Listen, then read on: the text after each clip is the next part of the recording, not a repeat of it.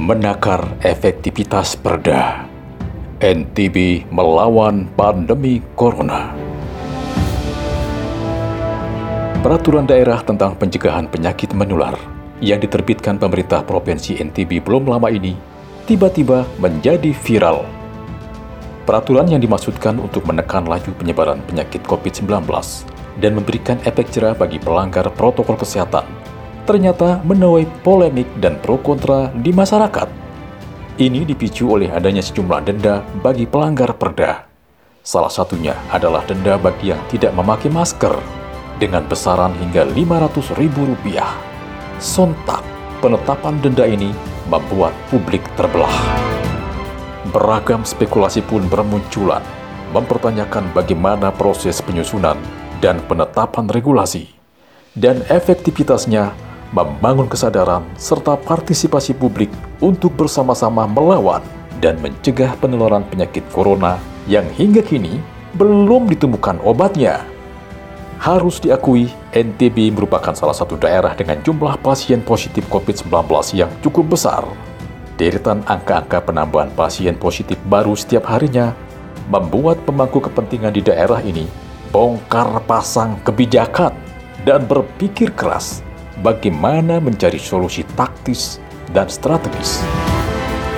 Tak kurang, berbagai program dan paket kebijakan digulirkan, mulai dari jaring pengaman sosial bagi masyarakat terdampak, program kampung sehat, hingga pemberlakuan protokol kesehatan yang ketat bagi individu dan kelompok masyarakat.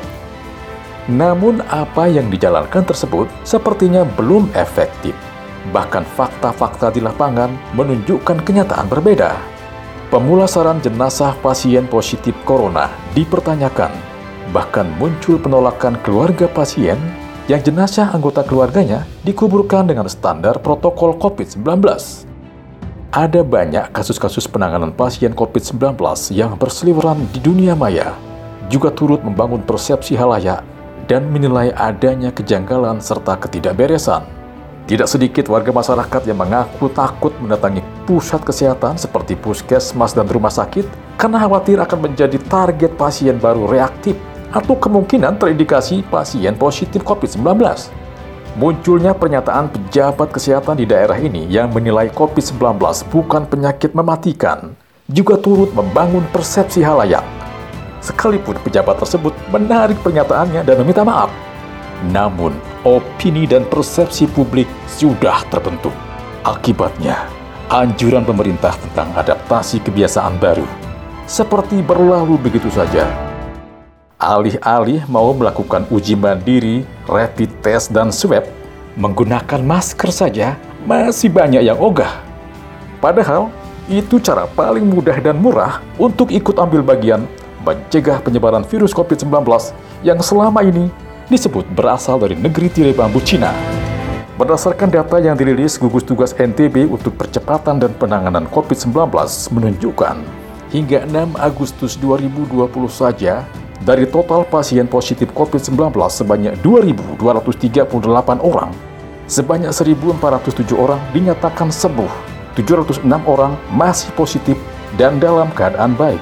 Deretan data dan fakta ini turut mewarnai persepsi halayak yang mayoritas ingin kembali pada kehidupan normal dan mengabaikan adaptasi kehidupan baru. Kini, peraturan daerah telah ditetapkan. Sanksi dan denda pun siap menjerat siapa saja yang tidak patuh menjalankan protokol kesehatan. Masih minimnya informasi dan pengetahuan masyarakat seputar peraturan daerah tentang pencegahan penyakit menular merupakan sebuah tantangan dan masalah tersendiri. Akankah regulasi ini efektif? Semoga